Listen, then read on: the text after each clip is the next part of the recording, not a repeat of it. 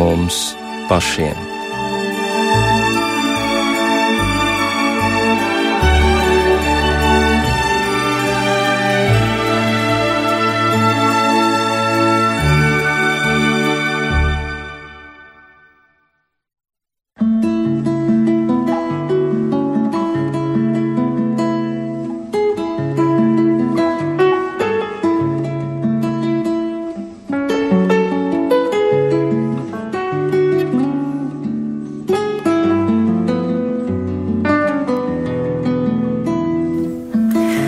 Esiet sveicināti raidījumam pāri mums pašiem, lai ir slavēts Jēzus Kristus. Studijā Inte Zēgnere par skanējumu rūpējas Katrīna Bramberga, bet mūsu raidījuma viesis ir Latvijas Romas katoļu baznīcas Rīgas arhibīskaps metropolīts Zbigņevs Stankēvičs. Mēs tieši tiekamies šobrīd jau pašā gada nogalē un tāpēc arī turpmākajā stundā atskatīsimies uz dažiem spilgtākajiem šī aizvadītā posma notikumiem, kā arī mēģināsim noskaidrot, Kas tad būtu jādara, lai nākošais gads būtu labāks par šo, un cik tas ir atkarīgs no mums pašiem, bet cik tomēr no dieva gribas? Paldies, ka jūs piekritāt šai sarunai jau pašā gada nogalē, šajā jau vēlajā vakar stundā, un jāteic, ka šis 2018. gads ir bijis notikumiem tiešām ļoti bagāts, piesātināts, mēs varētu sacīt svētku gads. Bet eh, kāds tas ir no jūsu redzes punkta, no jūsu viedokļa? Kas ir mūsu lielākais ieguvums šogad, gan garīgi, gan arī valsts dzīvē? Kas jums iezīmējas kā tādi spilgtākie akcenti? Ja, nu šodien, šogad eh, visā gada garumā mēs svinējam Latvijas valsts simtgadi un neapšaubāmi tas aizēnoja vismaz Latvijā visu pārējo. Bet Vai arī kā, apgaismoja? nu, apgaismoja, nu, visādi to var vērtēt, bet katrā ziņā mm. noteikti e, tā svinēšana tā veicināja tomēr tādu piederības sajūtu valstī. Es domāju, tomēr arī patriotismu, un tā bija arī laba tāda nu, kultūras promocija, tās kultūras, kas ir pie mums.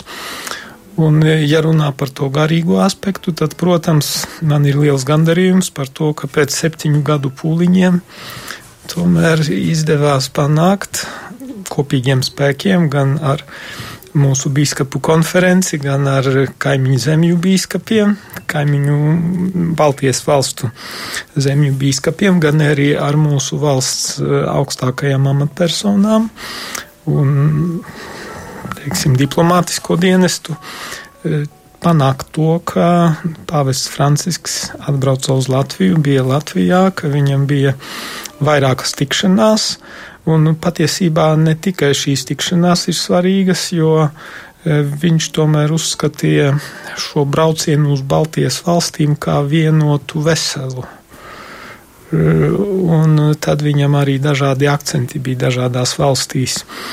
Bet, nu, katrā ziņā pie mums tās trīs galvenās tikšanās, kas viņam bija, tas ir prezidenta pilī, tad bija Doma baznīcā, Svētā Jekaba katedrālē, tas bija Rīgā trīs, un tad, protams, tāda kulminācija Svētā Mīsā Aglonā.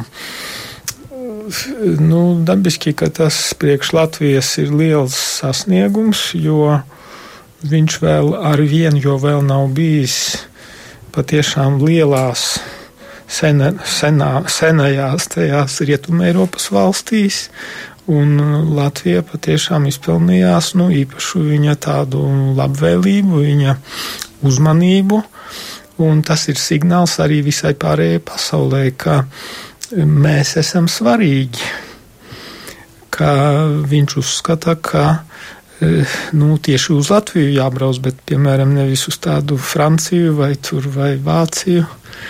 Eh, bet jūs varat izskaidrot, eh, ar ko tad mēs esam svarīgi? Kāpēc tad galu galā šis lēmums tika pieņemts par labu Baltijas valstīm? Nu, no aizkulišu sarunām man ir zināms, ka tad, kad viņam piedāvāja tieši sākumā aizbraukt uz kādu no lielu, lielajām Rietumē Eiropas valstīm, viņš atbildēja, ka es gribu aizbraukt uz tām valstīm, kur cilvēki ir daudz cietuši. Un ja mēs paņemam 20. gadsimta vēsturi, nu tad Latvijai pārī ir bradājuši visādi karapūļi un visādas varas. Un, protams, ne tikai 20. bet ja mēs paņemam to 700 gadu vēsturi, mm, tad arī te mēs redzam tādu nu, cīņu par, par izdzīvošanu, cīņu par savas identitātes saglabāšanu visu laiku tajos mainīgajos apstākļos. Un kā viņš arī prezidenta pilī E, to arī pateica, ka e, nu, latvieši viņi ir spējuši ciešanas pārvērst dejā. Domājot tieši par mūsu dziesmu un deju svētku tradīciju. Protams, protams, protams. Tie bija tādi svarīgi vārdi, kas liecina par to, ka viņš bija nu, ļoti iedziļinājies mūsu, mūsu vēsturē, un viņš tieši deva to uh, to garīgo skatījumu uz mūsu vēsturi, jo svarīgi tomēr, lai tā simtgade nepaliktu tikai tādā no nu, emocionālā līmenī, ka mēs tur papriecājamies, paplaukšķinām, pašaudāmies, tur, kā saka, salūtus skaistus un tā, un ar to viss beidzas. Nu, vajadzīga refleksija, vajadzīga, e, vajadzīgas tomēr tādas dziļas pārdomas par to, ceļu, kas ir noiets, arī ne tikai par tiem pēdējiem simt gadiem, jo tos jau nevar skatīt atrautībā no, no iepriekšējiem 700 vai pat 800. Un, nu, un tad jāmēģina domāt par to, kādā veidā mums tos nākošos simt gadus dzīvot, lai nu, lai Latvija tomēr būtu plaukstoša zeme, lai viņa būtu optimismam pilna, lai nebūtu tā, ka no viņas, nu, teiksim, labākie prāti un, un, un jaunākie, dinamiskākie, teiksim, cilvēki, ka viņi brauc prom ar tādu vilšanās sajūtu, ka mums te nav ko darīt, ka mēs te neredzam attīstības iespējas. Es domāju, ka šis moments, lai arī pamazām lietas mainās, bet nu, noteikti nu, mums ir vajadzīga refleksija par to, e, arī par cēloņiem, kāpēc tas klimats un tā gaisotne ir tāda un nesavādāka, un tie fakti nu, tādi un nesavādāki, ka gandrīz viena trešdaļa ir izbraukusi. Ja? E, tad e, tieši tā pāvesta klātbūtne un pāvesta vēstījums noteikti mums palīdz paskatīties dziļumā un nostiprināt mūsu arī valstiskuma saknes, vai ne, mūsu identitāti. Jo, piemēram, Svētā Jēkaba katedrālē savukārt viņš pateica to, ka nu, par, runāja par tām saknēm, par to vecāko paudzi. Pēc tam viņš arī sinodas laikā, kura sākās kaut kur nedēļu, mazliet vairāk par nedēļu pēc viņa brauciena šeit, mm, koks, ka viņš, viņa stiprums ir saknēs, ka ja saknes tiek aizcirstas, tas vai nocirstas, viņš nokalst, un viņš salīdzināja šo vecāko paudzi ar saknēm. Un patiešām tas ir tāds radikāls un es pat teiktu revolucionārs pavērsiens attieksmē pret vecajiem ļaudīm un attiecībā pret nu, mūsu aizējošo paudzi. E, jo, diemžēl, nu, ir tās tendences, teiksim, kas e, pat arī pie mums jau mēģina kā, inicijēt šo diskusiju par eitanāziju, ka ir humāni kā, palīdzēt viņiem aiziet prom. Bet es zinu, ka nu, ir valstis, kur vecie ļaudis, teiksim, vecāka gadagājuma cilvēki baidās iet uz slimnīcu. Jo viņi zina, ka viņiem tur var palīdzēt aiziet gluži vienkārši, jo tur eitanāzija ir atļauta un tiek nu, veicināta. Tiek, e, tātad attieksme pret vecajiem ļaudīm tas ir cilvēcības lakmusa papīriņš, vai ne? Kā mēs pret viņiem attiecamies, un to pavests ļoti spēcīgi pateica. E, tālāk, nu jā, tad viņš arī uzsvēra, ka tieši tā vecā paudze ir bijusi, kas nu, cīnījās par brīvību, un ka arī, kas arī saglabāja ticību, neskatoties uz vajāšanām, kas iznesa to visu smagumu cauri. E, bet tad, atgriežoties pie viņa uzrunas prezidenta pilī, tad viņš parādīja arī labas zināšanas Latvijas, latviešu literatūrā, jo viņš atsaucās uz Mauriņas, Zentas Mauriņas darbu un citēja tieši viņu, ka mūsu saknes ir debesīs.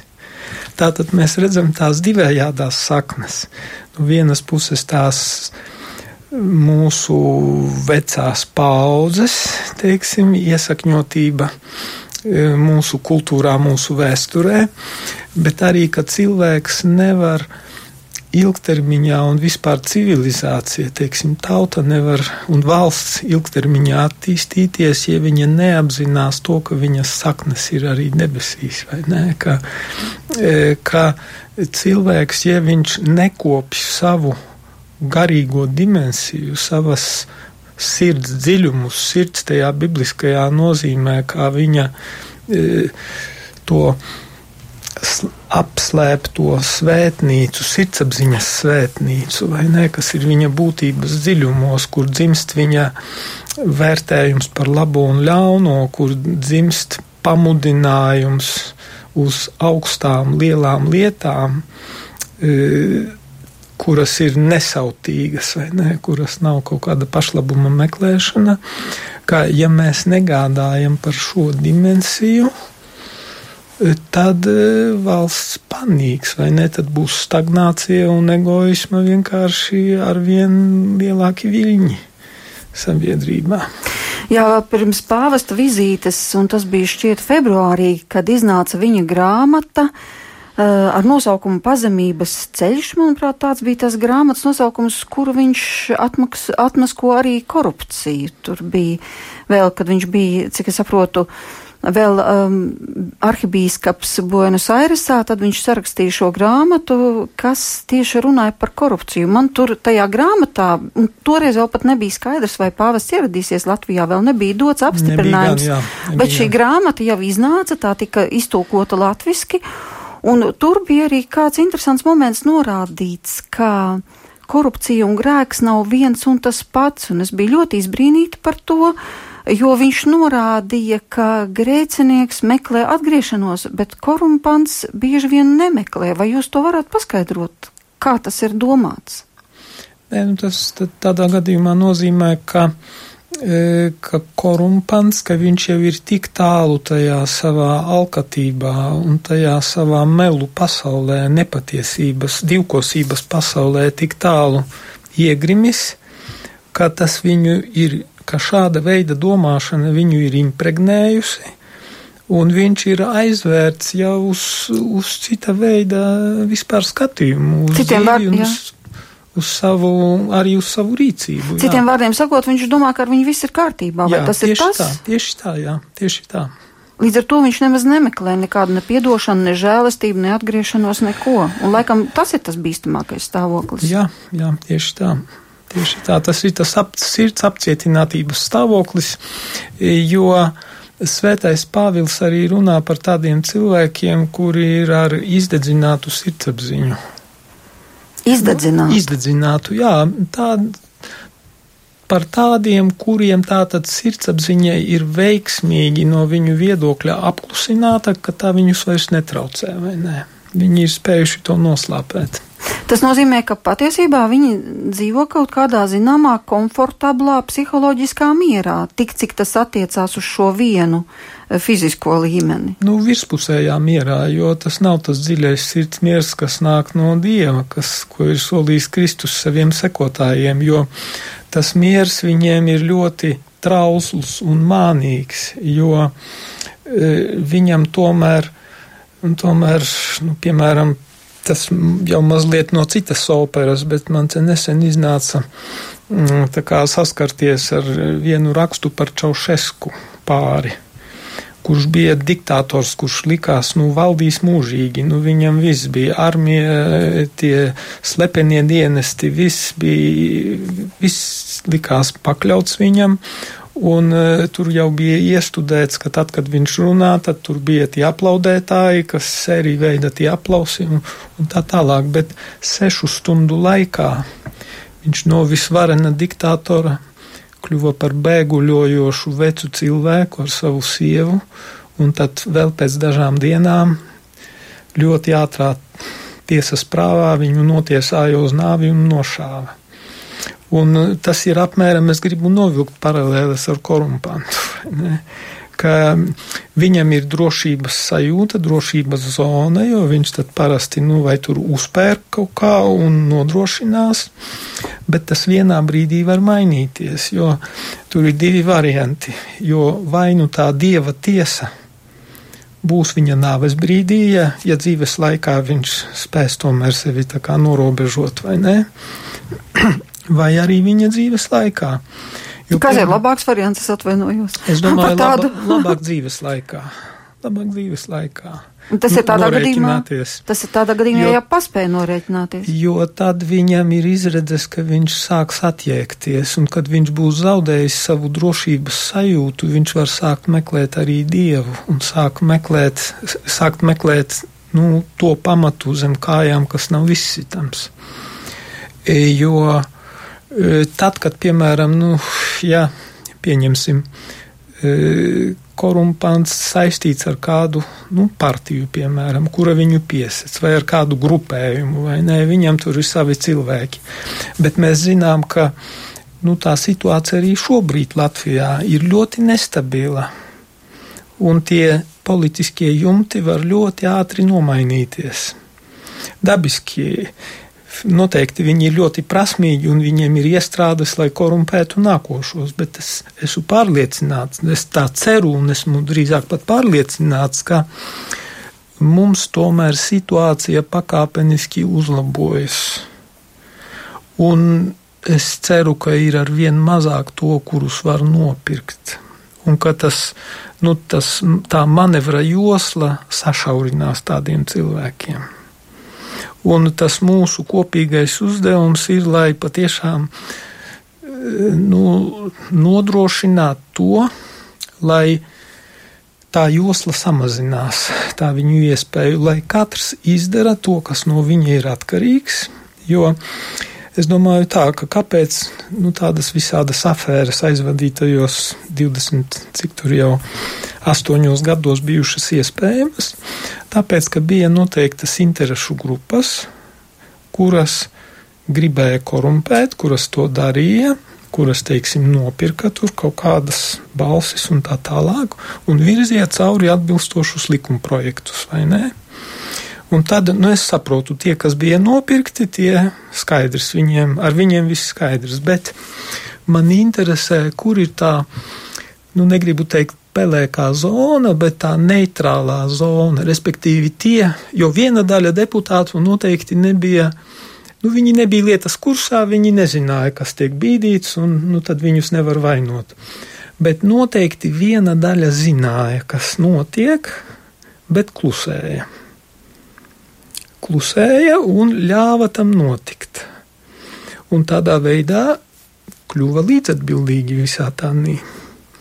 Un tagad ir ļoti svarīgi, lai pie mums Latvijā tas klusējošais vairākums un tas, kurš norobežojas un ļoti viegli nu, vienkārši tur lamā visus pēc kārtas un sūdzas un tā, bet lai viņš sāktu da arī darīt kaut ko. Un konkrēti to, kas no viņa atkarīgs savā apkārtnē, savā atbildības, var teikt, zonā, sāktu monitorēt situāciju un spiest atbilstošās pogas vai nē. Un tad situācija strauji var sākt mainīties. Un es domāju, ka šai nozīmē mūsu sabiedrība kļūst redzīgāka un mazāk nu, ļaujās manipulācijām. Protams, ar vienu jau vēl ir daudz ko darīt, saka, augt šai virzienā, bet pamazām, pamazām gan, tie, gan tā izmeklējošā žurnālistika, jo mēs redzam, nu, žurnālisti pēdējā varbūt gada laikā diezgan daudz ir uzcēluši. Arī tās mūsu atbilstošās nu, spēka struktūras. Tur agrāk ļoti daudz runāja, un tur visādi bija skandāli, bet rezultāti bija ļoti vai nu minimāli, vai nu gandrīz nekādi. Jā. Nu, šodien izskatās, ka mazliet sāk ķerties klāt vērsim pie ragiem. Ir svarīgi, lai tas process turpinās, un lai tie, kuri tātad schēmu un kuri taisa, teiksim, tu, kuri korumpē un ir e, mēģina, grib turpināt korumpētā veidā gūt sev, e, turpināt gūt peļņu, lai viņi sāktu apzināties, ka nē, skrūves tiek piegrieztas no visām pusēm. Žurnālisti, spēka struktūras, atbilstošie dienesti un arī sabiedrība, darba kolēģi un visi tie, kuri pazīst ģimene. Vienkārši, lai ir skaidrs, nē, ka paklausies, tas ir noziegums, tas ir, tas ir negodīgi, tas, ir, tas nozīmē, nu, ziniet, tā kā agrāk bija kapitālismā, ka teica, o, tie kapitālisti asins sūcēji. Nu, bet kas ir tie, kas, kas teiksim, no sešiem miljoniem paņem trīs un iebāž kabatā. Vai, vai, vai, vai vēl nu, visādi varianti ir vairāk, mazāk. Tas patiesībā ir tas pats asins sūcējs, ne, kurš, kurš nosūc tautai viņu legālo, nu, tas, ko kas varētu veicināt valsts attīstību, teiksim, nezinu, skolas, eh, izglītību, slimnīcas un veselības aprūpi, vai transportu ceļu salabošanu, vai, vai eh, autostrādes, teiksim, izbūvēt Latvijā. Nu, tie visi daudzie miljoni, kas aizgājuši garām valsts kasē, nu, tas ir, nu, tas ir nobremzējis Latvijas attīstību.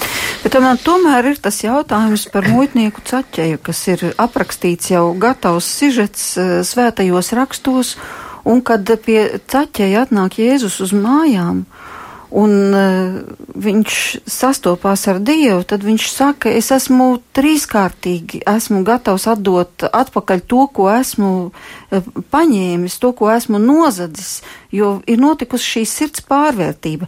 Bet tad es gribu pajautāt tīri praktiski, es saprotu, ka jūs nestāstīsiet par grēku sūdas noslēpumiem, tas nav arī šī rēdījuma uzdevums, bet kas notiek tīri praktiski? Uh, ka, ja atnāk cilvēks, kurš ir apzinājies uh, savu to lielo kļūdu, ka viņš ir ņēmis, schēmojis un tā tālāk, viņš saprot, varbūt veselību uzdevusi, varbūt saprot, ka ir palikušas tikai tur, nezinu, dažas nedēļas līdz beigām šai dzīvei. Skaidrs, ka sirdsapziņa pamostās, viņš grib no tā atbrīvoties. Un tagad viņš aiziet, viņš izsūdz grēkus, viņš lūdz piedošanu bet tā manta jau joprojām ir viņa mājās. Tad ko tādā gadījumā saka garīdznieks? Nu, ir kā ir, paņēmi, ko paņēmi, kas nu bija, tas bija, es tev piedodu āmeni. Vai tā tas notiek, vai tomēr garīdznieks viņam saka, to, ko esi paņēmis, to trīskārtīgi, un ja ne trīskārtīgi, tad vismaz vienkārtīgi atdod atpakaļ. Nu, tā tad nes tos atgriešanās augļus. Nē, nu, protams, tie augļi ir jānes, jo viens no grēku atlaišanas nosacījumiem ir kā, izlabot to ļaunumu, ko tu esi darījis. Tas ir gandarījums, vai ne? Bet Zahais vispār ir ļoti interesanta personība, jo patiešām viņš bija muitnieku priekšnieks. Nu, šodien varētu teikt, nezinu, muitas tur kaut kāda departamenta. Badītājs. Nu, nu, galvenais muitnieks, vai ne? Viņš bija bagāts vīrs, jo, jo tur bija. Nu, tur bija sistēma tāda, ka muitnieks pats varēja noteikt muitas tarifus, vai ne? Viņam vajadzēja zināmu summu samaksāt tām okupācijas varas iestādēm, bet, eh, bet pāri tām viņš, viņš bija brīvs, kā saka, pats visu ņemt, vai ne? Un eh, Zahējs bija maza auguma. Nu, acīm redzot, viņam bija kompleksi. Viņš nejūtās laimīgs, un viņš domāja, ka eh, tātad kļūstot bagāts, ka viņš gūs piepildījumu un aizpildīs to tukšumu un to mazvērtības sajūtu, kas viņā bija iekšā bet nu izrādījās, ka viņš sasniedza mērķi, respektīvi bagātību viņš sasniedza, bet laimi un apmierinājumu un atbrīvošanos no savām problēmām gan nē. Un tad, kad viņš izdzirdēja, ka Jēzus iet garām, tad viņš, kurš nu, respektabls cilvēks. Tas ir gandrīz vai tā, nu, kā, kā pie mums kāds, nu, muitnieku priekšnieks vai, vai kaut kāds valsts ierēdnis, nezinu, ministrs ka viņš tagad pēkšņi pūļa priekšā, te nezinu, pie brīvības pieminekļa. Ierauga pāvestu. Nu, pāvests, kad ierodās un viņš nevar redzēt, un tad viņš kāpj kokā. Iedomājieties, tas ir risks kļūt smieklīgam un zaudēt savu reputāciju. Neviedomāsies par tādu aspektu. Viņam tā motivācija bija tik stipra. Viņš tā kā viņam sirds pateica, zini, tā ir tava iespēja tagad vai nekad. Viņš uzkāpa kokā, Jēzus uz viņu paskatījās un teica, šodien man ir jābūt, es gribu būt tavā namā. Viņš viņu pieņēma, un šī beznosacījumu mīlestība, ko viņš piedzīvoja no Jēzus, viņu atbrīvoja no, no, viņa, no viņa tās problēmas, no viņa mazvērtības kompleksa, un patiesībā caur Jēzus ienākšanu viņš piedzīvoja dieva klātbūtni, pēc kura bija ilgojusies viņa sirds, un tā bija tā mīlestības pieredze. Un viņš tika dziedināts.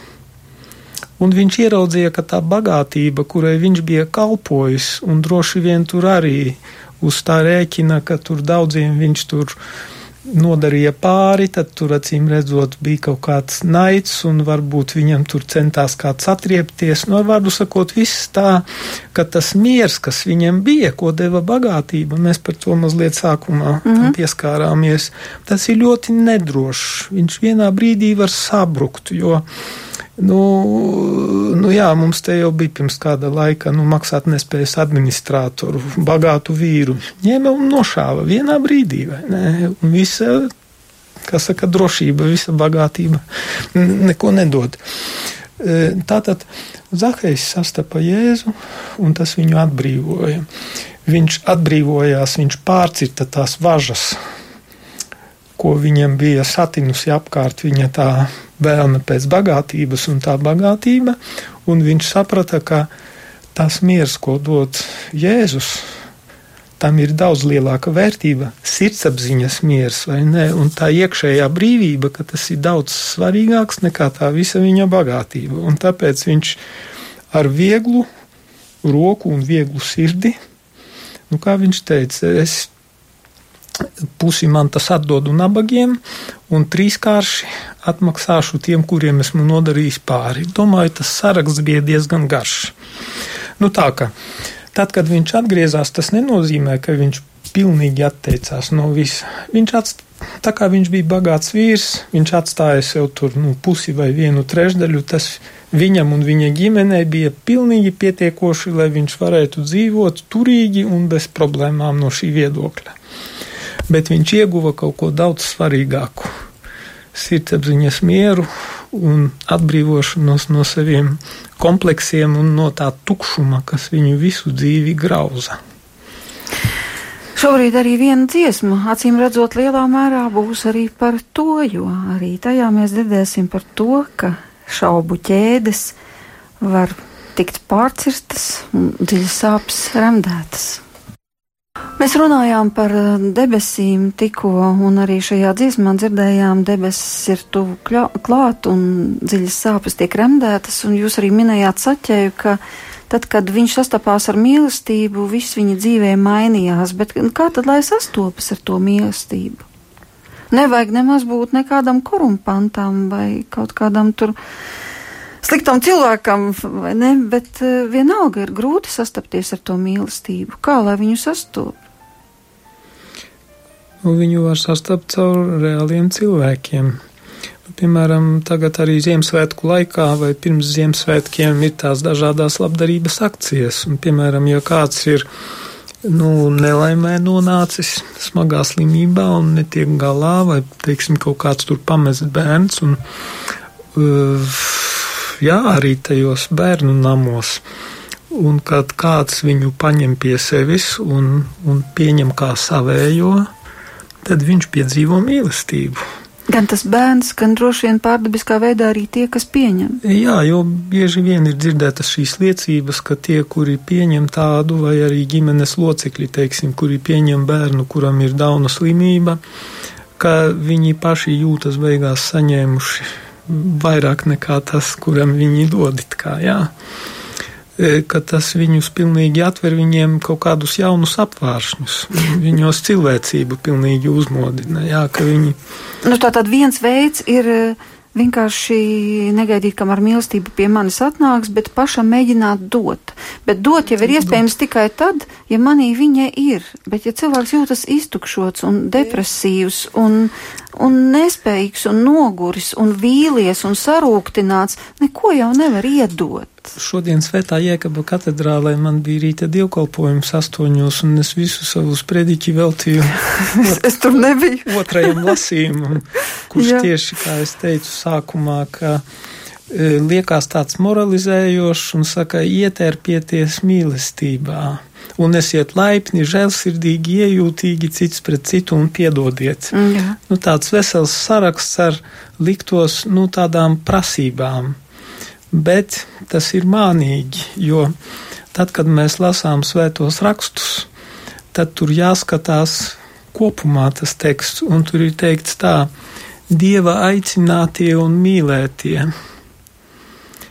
Sākumā ir aicinājums, un starp citu aicinājums, es varētu teikt tā, tur ir vismaz divi etapi. Pirmais etaps ir, kad bērns tiek ieņemts mātes miesās. Tas ir dieva aicinājums. Tas ir dieva aicinājums. Viņš tiek aicināts dzīvot. Un bez dieva mīlestības pieskāriena tas nav iespējams. Tas nozīmē, ka dzīvība kā dāvana, kura tev tiek iedota, jau ir, tas jau ir mīlestības pieskāriens.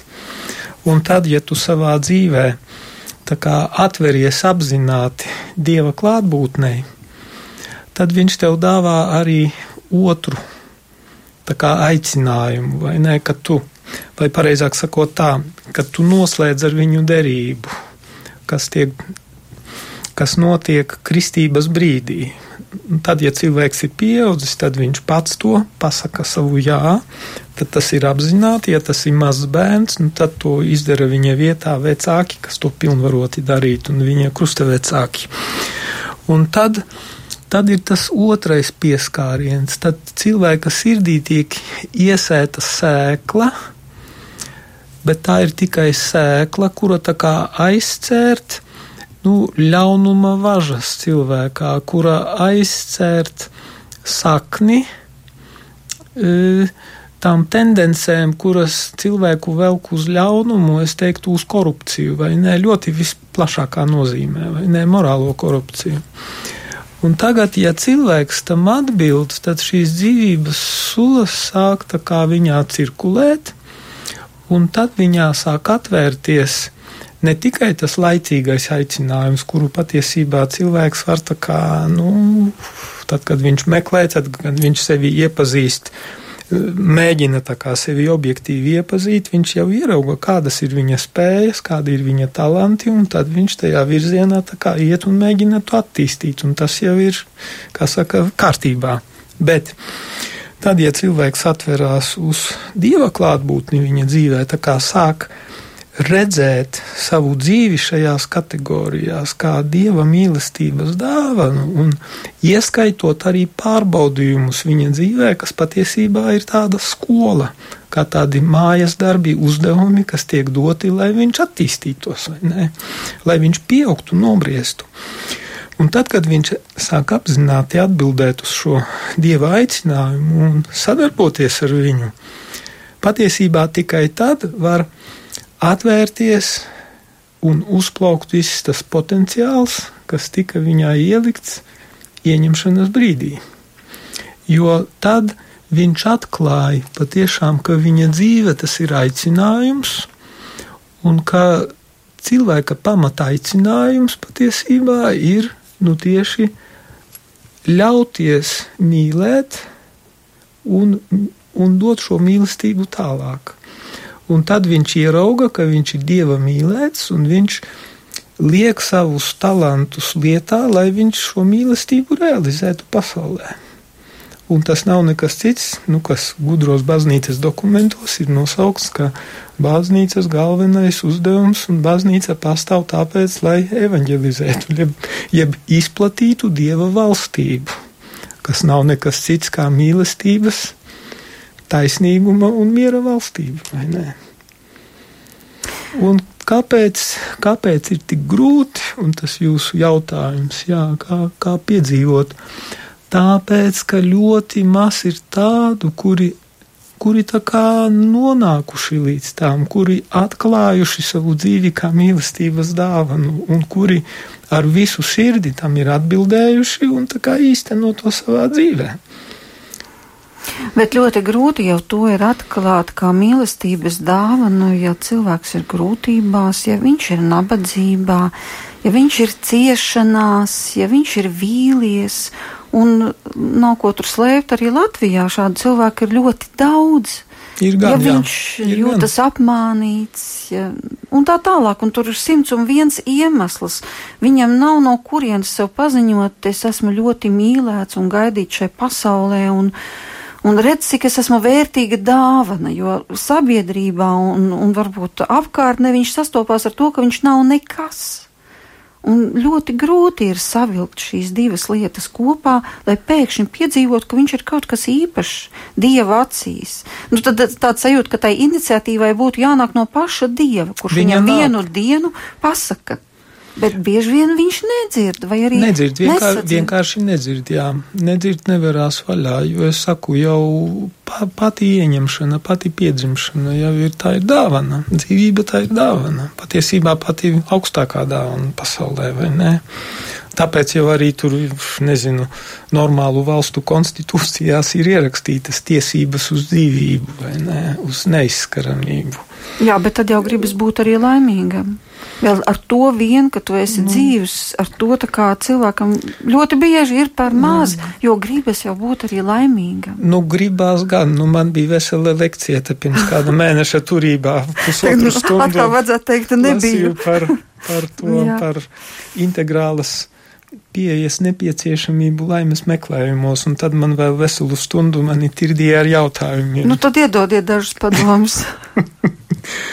Nē, nu lieta tāda, ka cilvēka eksistence ir trīs dimensijas. Tā, nu, protams, vienkāršojot mazliet tās lietas, ka viņiem ir tā ķermeniskā, jeb materiālā dimensija, tad viņam ir psiholoģiskā, jeb es to saku arī teiksim, kultūras dimensija un ir garīgā dimensija. Tur, kur notiek viņa sastapšanās ar Dievu un kur tieši notiek tā mīlestības tā aprite, vai ne? Jo tā izpaužās tādos divos veidos. Viens tas ir patiešo vertikāli ar Dievu, un otrais tā ir mīlestības plūsma, viņa nesautīga sevis dāvāšana, jeb nesautīga attieksme, nemeklējot savu labumu attiecībās ar citiem cilvēkiem. Un lūk, kur ir kļūda mūsdienu sabiedrībā, tā saucamajā patēriņa sabiedrībā, kuras sastāvā mēs esam pilnvērtīgi locekļi, esam kļuvuši un ļoti lepojamies ar to, vai ne? Tātad, ka patēriņa sabiedrība, viņa pamatā pastāv tajās pirmajās, pirmajos divos līmeņos. Tas ir nodrošināt un apmierināt materiālās vajadzības, rūpēties par savu ķermeni, par savu veselību, par savu izskatu un ieguldīt tur milzumu daudz naudas, laika un pūliņu.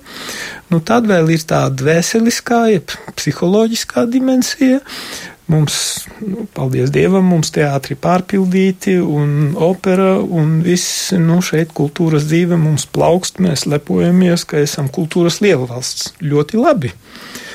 Jāgādā gan par miesu, gan par to psiholoģisko dimensiju un kultūras dimensiju, bet mums ir novārtā trešā eksistences dimensija, garīgā dimensija, komunikācijas ar Dievu dimensija, jo šeit Tad, kad tā sāk tā kā, nu, negluži atrofēties, bet tikt ignorēta, tad sāk uzplaukt maņticība. Visāda tur maģija un buršanās un ezotērisms un kas tur tikai visādi surogāti nāk. Un cilvēks nav laimīgs. Cilvēks nav laimīgs, jo viņš it kā, tad viņš ir tajā zahēja lomā, jo viņam viss ir. Viņam ir Bentlijs, Viņam ir, nezinu, savrupmāja laba uzceltā kāpu zonā un e, pozīcija sabiedrībā un, kā saka, viņu ir grupējums, kas viņu piesac, bet viņš iekšā nav laimīgs. Kāpēc? Tāpēc, ka viņš nav sabalansējis savus esamības līmeņus un ka viņam nav tās mīlestības caurplūdes. Es nesaku, ka, ka, kā saka, ja bagāts, tad automātiski tur slikts. slikts jā, nē, varbūt arī godīgi nopelnījis savu bagātību. Bet, protams, es vēršos pirmām kārtām pie tiem, kuri godīgi nopelnījuši savu bagātību un, un nu, meklē šo piepildījumu, jo viņu sirdsapziņas tad kaut kā, es domāju, nu, tādas atvērtākas. Ne? Ka paklau, vajadzīga tā komunikācija ar dievišķo. Ir vajadzīgs ļaut tai mīlestībai caurplūst caur tevi, lai, lai, teiksim, tā bagātība, kas tev ir, un par to pāvests nevienreiz vien viņš ir uzsvēris, ka nauda ir tikai līdzeklis, un ka tas ir patiesībā amorāli, kad nauda tiek tikai, kā saka, kaut kādam savam labumam izmantota. Nauda ir līdzeklis, lai darītu labu. Labu, jā, savai ģimenei nodrošinātu sev, kā saka, cilvēka cienīgu dzīvi, bet ne uz citu rēķina bet lai darītu labu arī sabiedrībai, lai darītu labu tiem, kuriem nav veicies līdzīgi kā tev, vai ne, kuram ir paveicies, kurš ir bijis, nezinu, apsviedīgāks, kuram Dievs to iedeva kā dāvanu, kā mīlestības dāvanu, kā e, iedeva spējas, apsviedīgumu, iz, iespējas iegūt izglītību un izsisties uz augšu. Bet tas vienlaicīgi ir arī uzdevums, vai ne? Ko tu izdarīsi ar to savu bagātību? Ar to talantu. Ar to teikt. talantu, jā, tas ir talants, jā, jo, jo patiesībā biznesmenis vai māka taisīt naudu, es runāju par māku taisīt naudu, nu, legālā, normālā ceļā, vai ne, godīgi nopelnīt naudu. Tas ir dieva dots talants, vai ne? Un par to Dievs beigās pajautās, kā vai tu no tā, no tiem, no tā viena, cik tu tur, vai tu tikai sev noglabāja, kā tas, kurš teica, ka viņam tur lauks lielu ražu atnesa, un viņš teica, wow, nu tagad es varu visu dzīvi, uztaisīšu sev lielākas noliktavas, un visu dzīvi varēšu priecāties tagad. Dievs viņam saka, tu neprātīgais, tev šajā pašā naktī tiks noņemta tava dzīvība, vai ne? Un kur tu liksi tur visu to savu bagātību? Nu, respektīvi, te ir vajadzīga tāda domāšanas maiņa. Un tie cilvēki, kuri ir reāli domājoši, kuri jau pie mums, kā es redzu, viena daļa jau tā kā piesātinājušies ar bagātību un redz, ka nepietiek ar to un viņi jau sāk domāt par to kopējo labumu un par to, kā tomēr sakārtot visu vidi, vai ne, bet ne tikai savas mājas. Bet tad es sāku domāt par vēl vienu lietu, ka var tomēr būt arī tā, un to ir pierādījuši cilvēki arī izsūtījumā, un tā skatā Bīskavs Baļaslavs Sloskāns, kurš pat atrodoties cietumā un kuram nebija iespēja aiziet ne uz operu, ne uz teātri. Uh, kā arī vispār nebija iespēja iziet ārpus savas kameras.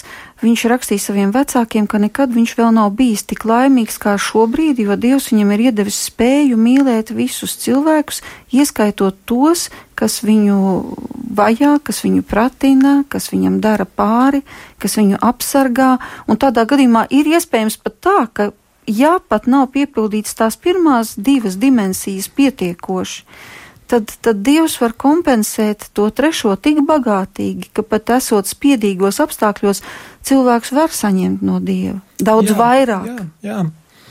jā, nu, mēs zinām par svētajiem, kuri, teiksim, e, degot uz sārta, vai, nu, kad viņus dedzināja dzīvus, ka viņi tomēr bija redzams, ka viņi, ka Dievs viņiem dod tādu savas klātbūtnes to žēlastību, ka viņi tās sāpes pilnīgi viņiem, viņām ir pāri. Nu, tad mūsu, protams, daudz mazākas bet, problēmas nav varbūt, nav varbūt tik milzīgas, bet tik un tā, tad varbūt apstāsimies pie tā, kā jūs minējat šo vārdu atvēršanās. Nu, kurš gan nevar, negrib un negribētu ielaist laimi pa savām durvīm? Tagad atkal mēs esam pie jaunā gada sliekšņa un sūtīsim un rakstīsim viens otram laimīgu jauno gadu, un no sirds mēs ticam, ka tas nākošais gads būs labāks par iepriekšējo, un mums vajag to labāko gadu. Bet kā tad atvērt tās durvis? Šis noslēpumainais vārds atvēršanās, arī baznīcā viņš bieži vien skan atveriet savas sirdis. Nu, kā svētais Pāvils saka, ticība nāk caur vārdu, un kā ir kad caur dzirdēšanu. Un, eh, lai dzirdētu, tad vajag kādu, kas, kas to vārdu pasludina. Es aicinu visus tos, kuri ir sastapuši Dievu un kuri ir e, piedzīvojuši to, ka, e, ka viņu dzīve ir dāvana un kuri ir piedzīvojuši dieva mīlestību, lai dod liec, dodiet liecību jūsu līdzcilvēkiem. Sludiniet no jumtiem šo, šo patiesību, ka ir Dievs, kurš tevi mīl, un uh, savu mīlestību viņš ir pierādījis caur to, ka atdevis savu dzīvību pie krusta un uzvarējis nāvi. Un visiem tiem, kuri ir kuri pieņem viņu kā augšām cēlušos kungu, ka visiem tiem viņš dāvā jaunu, pilnīgi jaunu apvārsni, jaunu, jaunus spēkus un jaunu dzīvi un brīvību no jā, korupcijas važām. Tas ir tā. tie, kuri ir piedzīvojuši, bet varbūt viņiem negadās tāds svētā gara piepildīts uh, cilvēks kristietis ceļā, kas tagad viņu paņems pie rokas un parādīs ceļu uz mm. dievu mīlestību, bet, man, bet ko man tad darīt, ir... ja es tādu neesmu sastapusi? Tad kur tad man, kad man gaidīt? Man... Nu, kaut vai atvērt svētos rakstus un, un varbūt tāpat. Ja ir mazākā ticības kripatiņa, pateikt, Dievs, es vēlos to piedzīvot. Es lūdzu, ļauj man tevi sastapt. Un kādu brīdi, kas ka griežaties pie viņa, un tad atveriet Bībeli un izlasiet, kas tur rakstīts, un, un lasiet to, jo tur ir vārds, kurš runā par cilvēka sirds dziļākajām ilgām un par, un parāda ceļu, kā tās piepildīt.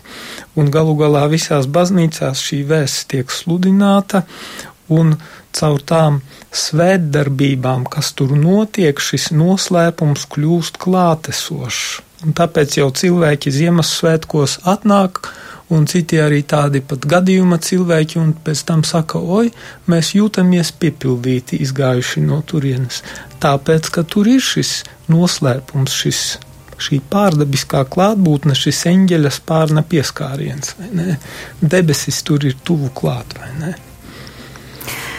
Mūsu radījums jau tikpat kā aizritējis, bet vai es varētu arī aicināt jūs lūgt par mūsu klausītājiem, lai viņi piedzīvo šo eņģeļa spārnu pieskārienu, lai viņu nākošais gads tiešām ir labāks visās šajās trijās dimensijās, ko jūs minējāt, uh, lai viņi saredz tās atvērtās debesis, lai viņi piedzīvo laimi savā dzīvē, un ne tikai to, kas ir uz galda vai ārpus mājām, bet to, ko var saņemt sirdī. Labi. Debesu Tēvs, mēs nākam tavā priekšā, un mēs lūdzam, lai tu šajā brīdī pieskaries mūsu sirdīm, lai tu pieskaries ikviena klausītāja sirdī un lai tu svētī mūs šajā pēdējā gada dienā un svētī mūsu jauno gadu, lai tu svētī mūsu ģimenes, lai tu svētī mūsu valsti un lai tu izlai savu garu pār Latviju, lai tu atjauno tās vaigu.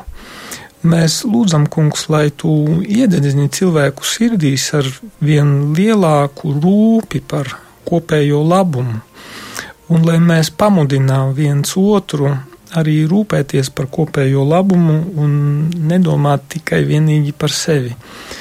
Mēs lūdzam, kungs, pieskaries tagad arī ikvienai sirdī, kas ir nomākta, kas ir bēdās, kas ir apjukusi, kas neredz tā kā labāku perspektīvu savai nākotnē.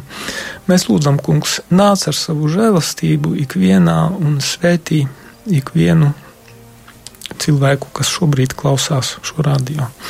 Un lai svētī jūs visvarenais Dievs, Tēvs un Dēls un Svētais Gars. Amen!